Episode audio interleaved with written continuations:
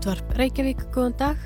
Í dag er 50 dagurinn 20. og 7. janúar. Katrín Ásmundsdóttir hilsar. Þú ert að hlusta á frettatháttin Hádegið.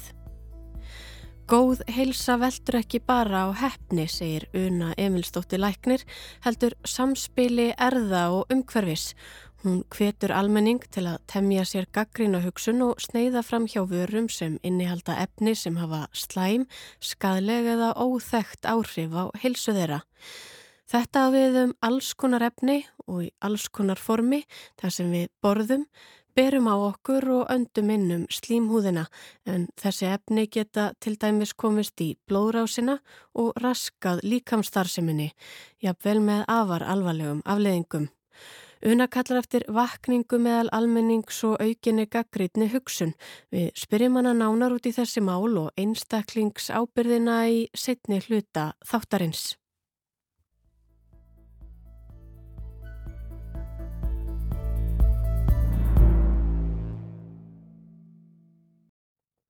Flest höfum við eflust heyrt talað um við svo kallaða 5G farnett og eflust í alls konar samhengi. Maður hefur heyrt samsæriskenningum fleitt um að 5G neti dreifi koronaveirunni hægri vinstri um heimsbyðina, að þessi nýja kynsluð farnetta sé liður í áformum Bill Gates um að stjórn okkur öllum með örflögum sem á að hafa verið komið fyrir okkur með komið fyrir í okkur með COVID-bólusetningum og þá hefur maður hérta flugfélögum sem aflýsa flugum vegna áhegja því að 5G geta á einhvern nátt trublað ferðalögin. Þessar áhyggjur af farnetinu sem finnast viða um heim hafa til dæmis leitt til þess að margir hafa ákveðataka málinn í eigin hendur, gjör eigðilagt loftnet og áreitt og jafnvel hótað verkamönnum sem komað uppsetningu nýju tekninar. Svona sögur hefur maður heyrt, en vitum við hvað þetta fyrirbæri er í raun og veru, hver tilgangurinn er með því og hvort að sé eitthvað í þessu sem verðt er að óttast. Til að svara því er komin til okkar hún Kristina Björk Bardal, tæknisérfræðingur Hátegisins og þáttarstjórnandi UT hlaðvarps Skí. Velkomin Kristina. Ef við byrjum bara alveg á byrjuninni, hvað er 5G? Takk fyrir það. Já, 5G er sérst bara nýtt net, nýjasta kynnslóð af farneti eða bara neti sem við notum í símanum okkar og í tækjum. Og G stendur fyrir generation á ennsku, hann er bara femta kynnslóð og við erum langt flest að nota 4G í dag og einhverjir 3G, þannig að þetta er bara nýjasta netið. Maður er með að hugsa þetta sko, maður sér alltaf 4G og svona í símanum og að þess að pæla í raun og veru svona hvaða þýðir og hvað þetta er svo sem mm -hmm. og svo en maður tók við 3G, 4G, allt þannig án þess að veru stór spurningamerki sett við það, mm -hmm. svo allt þetta einhvern veginn fári kringum 5G, hvað er öðruvísi við það svona með að við hinnar kynstöðunar?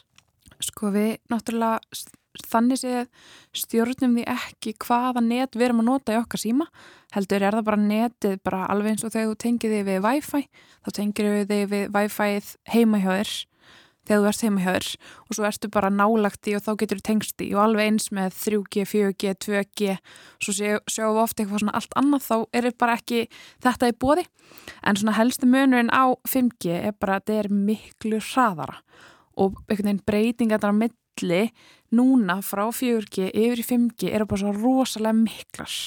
Og svona helsti drivkrafturinn á baku þetta er náttúrulega bara það að við erum að nota tækni svo ótrúlega mikið. Mm -hmm.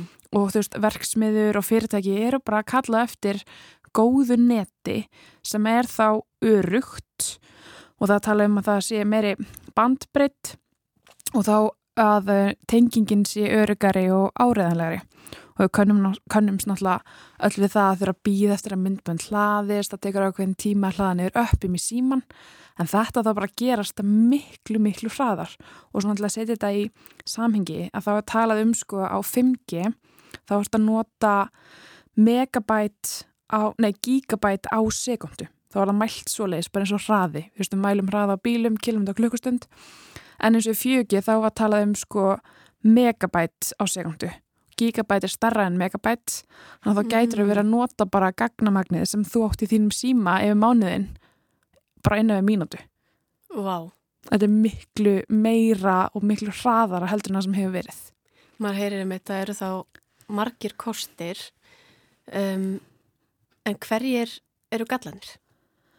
Sko, þetta er náttúrulega að því að þetta er hraðara á meira þá þarf meira rammagn og kannski líka bara eða það hlaða einhverju svona hratt niður þá tekur alveg miklu orku þannig séðið fyrir síman þinn. Hann getur hittnað miklu meira.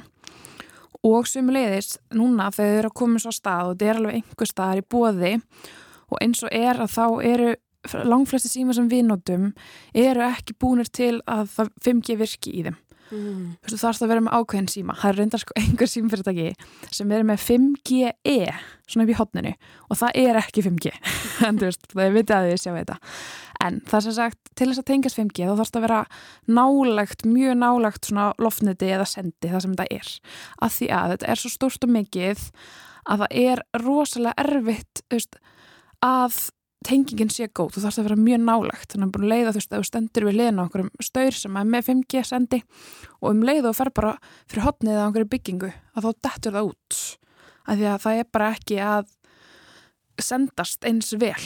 Það þarf bara alveg beina loftlín og ekkert getur tröflað, það meira sem einhver að tala um sko að ryggning getur haft áhrif. Já, já, þannig að þetta, þetta er svona kannski mögulega viðkvæmara sem geti haft alveg eh, afleðingar og einmitt kannski kallar á svona einhverjar innviða breytingar. Já, þá fleiri senda eða eitthvað svo leis og svo náttúrulega er það þessar klassísku hérna hættur sem eru rafsjálfgeyslinin frá sendunum mm. og það er alþjóðlega geyslavarnaráðið þau setja viðmjöðunamörk fyrir jónandi, ójónandi geyslun og eins og er þá bara verið að passa þetta þetta sé ekki á mikið, þetta getur alveg haft áhrif á okkur.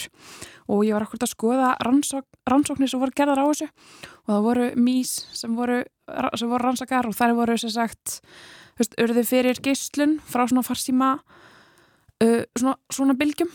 Já. og þær sem voru fyrir bylgjunum þær voru líklega til að vera með ægsli, svona krabbuminn en þær lifðu lengur en hinnar Þannig að er, það er ekkert rosalega mikið til sem sannar þetta alveg Já. og mikið af þeim greinum sem hafa verið að sína fram á þetta sé slæmt, þær eru settar bara efst. Þess fólki bara höfst, plokka það af uh, rannsóknunum. Já, svo getur þú kannski fundið aðra rannsókn sem Já. segir eitthvað. Já, og mikið af höfundunum sem hafa verið að rannsækja þetta eru oft bara svona koma fram og bara heyrðu því að taka rannsóknunum okkur úr samhengi en það er ennþá verið að þróa þetta og fólk er að finna munin á því bara hversu mikið er hægt að hafa af sendum, hversu mikið af mhm. bylgjum er hægt að hafa, Vist, á þetta að vera aðgengilegt fyrir alla hversu mikið af sendum og þá þannig að stýra bara bylgjónum og hversu mikið yeah. er af þessari geyslun sko.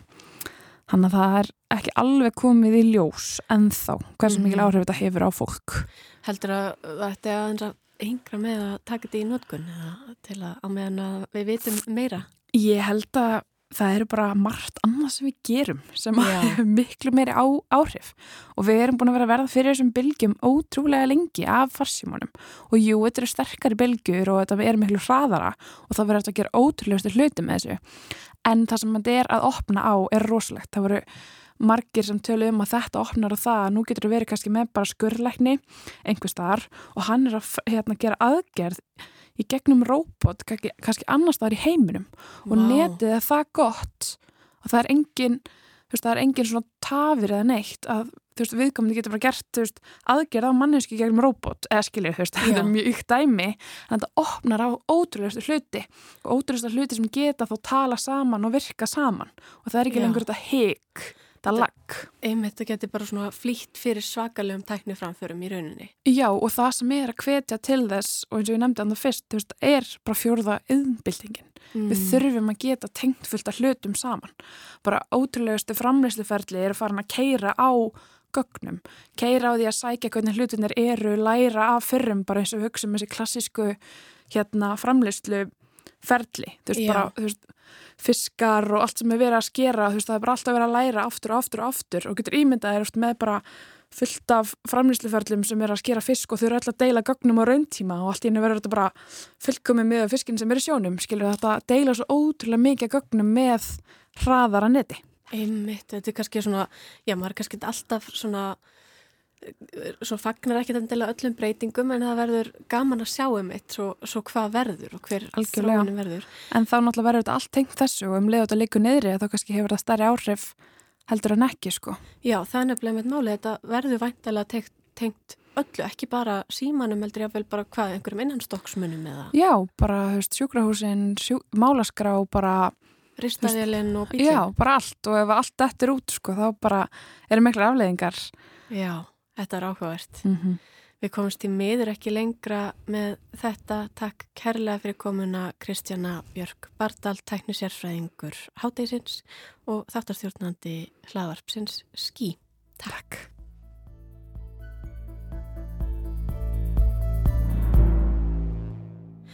Góð heilsa veldur ekki bara á hefni, segir Una Emilstóttir Læknir, heldur samspili erða og umhverfis. Hún hvetur almenning til að temja sér gaggrína hugsun og sneiða fram hjá vörum sem innihalda efni sem hafa slæm, skadleg eða óþægt áhrif á heilsu þeirra, geta jáfnvel komist í blóðrásina og raskað líkamstarseminni, haft hormónatrublandi áhrif eða jáfnvel krabbameinsvaldandi. Þetta á við um allskynns efni í allskynns formi þar sem við borðum, berum á okkur og öndum innum slímhúðina. Það er að segja matvæli, snirtiförur, leikföng, plastvörur og svona mætti æði lengi telja. Una kallar eftir vitundavakningu meðal almennings og eftir aukinni gaggrítni hugsun. Hún rætti við okkur um heilsufar, samspil erða og umhverfis og hvar ábyrðin á að liggja á frambóði slíkra efna og nýstlu þeirra. Gerum við of lítið úr umhverfis og lífstilþættinum eða ert þú að gera of mikið úr einhverjum nokkrum litarefnum í matvælum, skortirætri, parabenum í snirtiförum, efnum í orkudrykkjum og svo framvegis?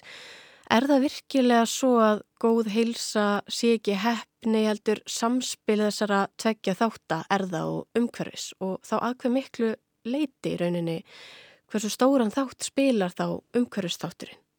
Já, þegar stórt er spurt, sko þetta er auðvitað eitthvað sem að hægt að deila um lengi en Ég vil meina eftir allan þennan tíma sem ég hef leiðið yfir rannsóknum á þessu sviði, umhverfisleiknisfræði, að við séum ekki að gera okkur grein fyrir eh, þessum skadlu áhrifum í, í næla miklu mæli. Við, erum, eh, við þurfum svolítið að vakna til vitundar um tengingu umhverfisáhrifa og vanhelsu. Vegna að það hlutild efna í, í tilur sjúkdóma er einfallega bara vannmetið að mínu mati og það kom líka fram í til dæmis skýslu frá landsett árið 2017 og nú er svo komið einfallega að, að, að við höfum alltaf á því að við höfum sleppt hundruðum þúsunda tilbúina efna á markaðin og, og mörg eru bara í nótkunn án áhættu mat. Því miður eru oft mikil töf, þannig að mörg er ekki eins og bönnuð eða tekina markaði fyrir kannski áratugum eftir að þau eru komin að markað eftir að dreifing hefst.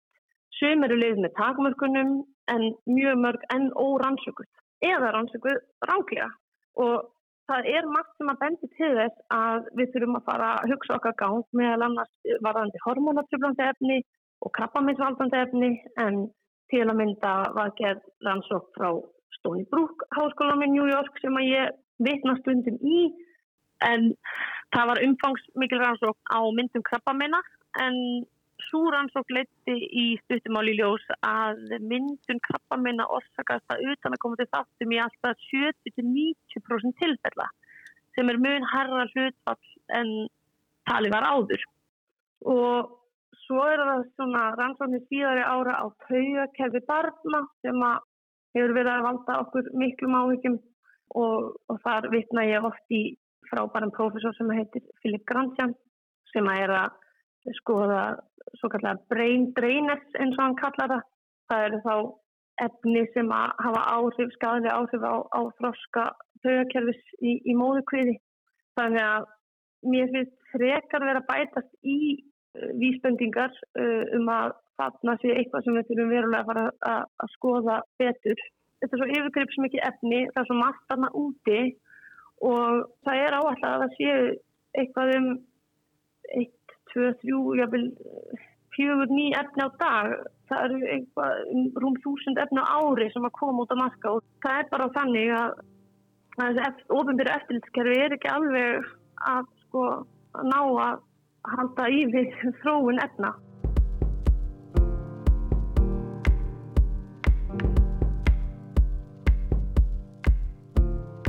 eins og þú talar um þetta að þessi umhverfistáttur sé kannski mjög stór hvað varðar eins og krabbamein og efni mm -hmm. í umhverfinu sem geta valdi krabbameini mm -hmm. þegar ég heyri þetta það er svo erfitt að trú þessu hvernig getur Já. það verið að stjórnvöld heimili það og bara einhvern veginn að mm. það sé í lægi okkar samfélagi að ég mhm. geti farið út í búð og keifti eitthvað mm -hmm. sem er mér skadilegt og jafnvel krabbaminsvaldandi. Ég finn svona, maður á bara erfið með að, að trú þessu jafnvel.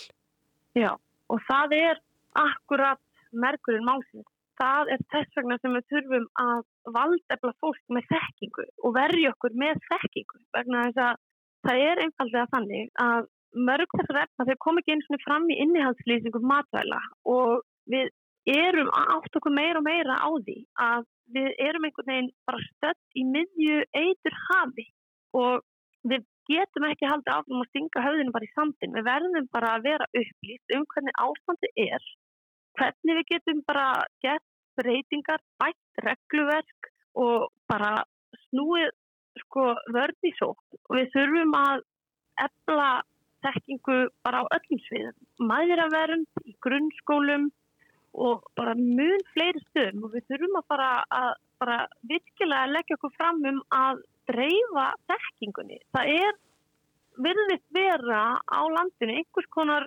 allherjar bara ignorant og bara afnittin í gangi. Þetta er eitthvað sem við erum að reyna að upplýsa fólk um það að fólk sé bara með verkfærin í höndunum og, og í rauninni getur það varið sig eða veit hvaða vörur á að varast, hvernig það getur svona sveitt fram hjá hættunum bara með því að taka með þetta upplýstar ákvarðanir í búðinni og þegar það að velja sér snittu vörur og fleira. En það er þarna svona sem að manni eiginlega fallast hendur, maður hugsa einmitt sko fyrirtæki og samsteipur sem er að koma þessum efnum á markað, selja þau, verðast ekki endilega alveg vera, vera að sinna sínu hlutverki miða við það magn skadlæra efna sem eru í umferð og þá eins má ég að vel segja það sama um stjórnvöld og eftirlitstofnanir þannig að þá hugsa maður, já, þá kannski verður við sem neytendur að grípa inn í en þar kannski já. fer manni svolítið að fallast hendur að því að Þetta er svo yfirgrips mikið yfir þyrmandi eins og segir mörg ný efni á dag, oft vitum við ekki fyrir en eftir á að eitthvað er skadlegt mm -hmm. og uh, líka bara fyrir mannshugan, eins og mm -hmm. þú nefnir þá er þetta oft örskamtar sem við erum að taka inn og þetta er kannski ekki einu svona sínilegt eða áþreifanlegt og hvernig getur eitthvað sem er ósýnilegt orsakað sjúkdóma eða einhverja erfileika setna meir? Og mm maður hugsa kannski bara mér langar ekkit að axla þessa ábyrg mér langar bara geta farið út í búð og keifta sem ég þarf. Og mm eins og þú nefnir þá er okkur heldur ekki gert þetta í rauninu auðveltar ekki eins og allar þessar upplýsingar liggi fyrir og séu skýrar og aðgengilegar. Sko á þessi ábyrð að vera á neytendum er það raunhæfur möguleiki að við getum mættinni og þá hvernig? Sko eins og staðan í dag og þá er ábyrðin svo litið okkar herðin vegna þess að rannsóknar aðferðirnar og uh, regluverkið er bara ábúta vakt og það eru núna eitrefni um alla jörg sem við þurfum að vara Það eru 2000 efna sem komu til dæmis á marka fyrir 1981 í Evrópu og eru ennamarkaði og þurftu aldrei að fara í gegnum áhætti mat og eins og bara frá innleggingu rýtslögjafarnar, það var árið 2007 í ESB, það er þess að rýtstend fyrir Registration, Evaluation and Authorization uh, of Chemicals. Og þetta er þess að skráning mat og leiði fyrir rýmsum kemískum efnum og uh, samkvæmt þessum reglum þá eru það framleiðendunir sjálfur eða innflytendunir uh, á þessum efnum sem eru ábyrgið fyrir að sína fram efnin valdi ekki skafa á heiða umhverfi. Og þeir sem sækja leiði sækjum leiði til að nota til dæmis undir einu tonni af ákveðinu efni á ári, þeir þurfa ekki að skrá efni eða rannsaka ásif uh, vegna þess að þeir eru að nota til til að lítið. Og svona mætti lengi telja. Það, það væri í rauninni hægt að bæta stjórnuna á framleiðslukeðju, bæta meðhendina úrgangi, bæta regluverki þannig að, að þetta venda okkur betur. Í rauninni er þetta ekkit endilega neitt rosalega flókið ef við erum bara varkár og höfum gaggrina hugsun og ef við vitum, ef við höfum heilt af öllum þeim mistökum sem hafa verið gerð hinga til og ef við förum líka bara og skoðum eins og síðu öðrosku umhverfstafnuna sem telur að yfir 60% efna sem eru notið í Öðrupi séu skadlega heilsinni og það talið að mengun valdi eitthvað í kringum 17% döðfalla í heiminum ári sem eru um, um 9 miljónir ótíma bara döðfalla. Við vitum að við erum að gera eitthvað sem er ekki æskilegt þegar við sjáum að um þriðjungur skortíðartegunda í heiminum er í útrýmingarhættu og Og við veitum það líka að það, það, það getur eiginlega ekki komið inn með óvart að þessi framleiðsla á tilbúnum manngennum efnum sem hefur aukist svo mikið frá árinu 1930 til dæmis til, til dagsins í dag. Við erum að tala um aukningu sem er úr 1 miljón tonna í ríflega 800 miljónir tonna. Og við erum að sjá núna aukningu í ýmsum kvillum sumir þar eru taldir vera hormonatengdir, aðrir eh, tengdir svona krabbamönds áhrifum og við erum að sjá núna, samkvæmt Filip Grandjan, þá er hann líka að tala um að nú sé svo komið að umtabil eitt af hverjum sex börnum þjáðust af einhvers konar óeðlilegum taugafraska og það er oftast mæra á óþögtum orsökum. Og núna eru bara vísbendingar að benda til þess að umhverfismengun sé að valda skemmtum á heilafraska en mjög fá efni hafa verið prófið með til, til slíkra áhrifa. Mm -hmm. Og það er rosalega mikið hort fram hjá þessu vandamáli eins og þú segir meðal annars vegna þess að afleggingarna koma svo sent í ljós. Oft þegar börnin eru kannski orðin 5-6 ára en áhrifin urður hverði mörgum árum áður. Þannig að við erum að sjá rosalega margt koma með gríðilega mikið til töf mm -hmm. og svo eru þessi efni tekinn út af marka og það eru þetta aðal markmið með umhverju stækningsfræði. Það er að átta sig á skadasemi efna til að hægt sé að breyta regluverkinu og efnin verður tekinn út af markaði til að vernda okkur. Mm -hmm. En þá er oft skadin skeður fyrir allt og marga einstaklinga. Og það er þannig einhvern veginn að það er gett ráð fyrir að efni séu skadlaus þar til að annað hefur verið sannan. Mm -hmm. Og maður er einhvern veginn hverki óhulltur og maður þarf að vera upplýstur neytandi og maður þarf að vita af því að það eru vörur á markaði sem geta verið skadalegar og sérstaklega eru það þessi fórstur og ungu börn. Er að, hann er rosalega mikill á fyrstu árum eh, lífsins frá 0 til 4 ára. Þetta er mjög mikilvæg tími og viðkvæmur.